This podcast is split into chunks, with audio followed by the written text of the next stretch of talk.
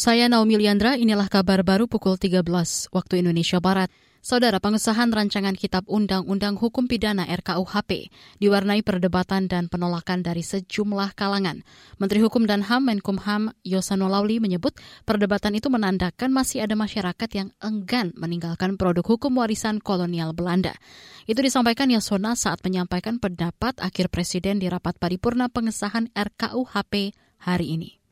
Jadi perdebatan panjang ini kami mohon agar kita seluruh masyarakat kami telah berupaya untuk mengakomodasi sebaik-baik mungkin apa menjadi perdebatan dan isu-isu penting yang menjadi perbedaan pendapat kita. Namun tentunya lah pada saatnya kita harus mengambil keputusan, keputusan historis terhadap rancangan undang-undang KUHP ini untuk meninggalkan warisan hukum pidana kolonial Belanda Kelihatannya Pak Ketua, agak susah juga meninggalkan warisan kolonial Belanda ini. Banyak juga yang masih mau kita melanjutkannya.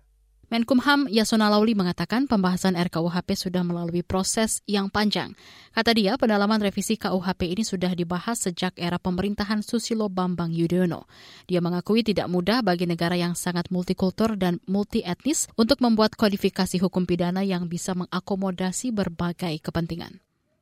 Ratusan hunian tetap huntap korban gempa Cianjur diperkirakan rampung awal tahun depan. Dirjen Perumahan di Kementerian Pekerjaan Umum dan Perumahan Rakyat PUPR Iwan Supriyanto mengatakan ada dua lahan yang disiapkan yakni di Desa Sirnagalih Kecamatan Cilaku dan di Desa Mulyasari Kecamatan Mande. Kita targetkan insya Allah 80 unit di antaranya akan kami selesaikan di akhir Desember ini dan sisanya kurang lebih 120 akan kami selesaikan di minggu ketiga bulan Januari 2023. Kami juga menyiapkan satu alternatif lokasi lagi di Desa Mulyasari, Kecamatan Mande.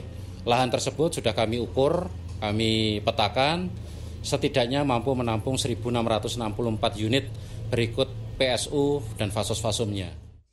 Dirjen Perumahan di Kementerian PUPR Iwan Supriyanto mengatakan di kedua lahan itu juga akan dibangun rumah instan sederhana sehat atau RISHA.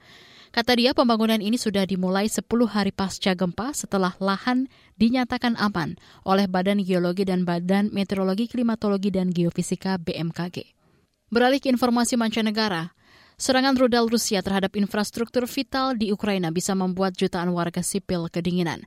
Perserikatan Bangsa-Bangsa PBB menyebut gelombang serangan rudal bisa membuat aliran listrik terganggu. Serangan rudal menghancurkan sistem energi Ukraina pada saat suhu udara turun di bawah 0 derajat Celcius. Dilansir dari Antara, pasokan air mengalami gangguan lantaran minimnya listrik untuk menjalankan pompa di Odessa. Sistem pemanas di Dnipro dan Odessa bisa terkena imbasnya sehingga masyarakat terancam kedinginan. Demikian kabar baru, saya Naomi Liandra undur diri.